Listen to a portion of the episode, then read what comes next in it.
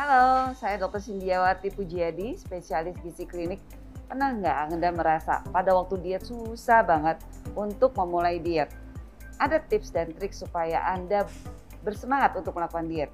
Salah satunya, cobalah ajak teman Anda yang sedang ingin berdiet untuk bareng-bareng melakukan diet. Hal itu akan membuat Anda bersemangat dan juga jangan lupa tolong dilakukan di bawah pengawasan dokter spesialis gizi klinik. Kenapa? Supaya penurunan yang dicapai adalah penurunan yang awet.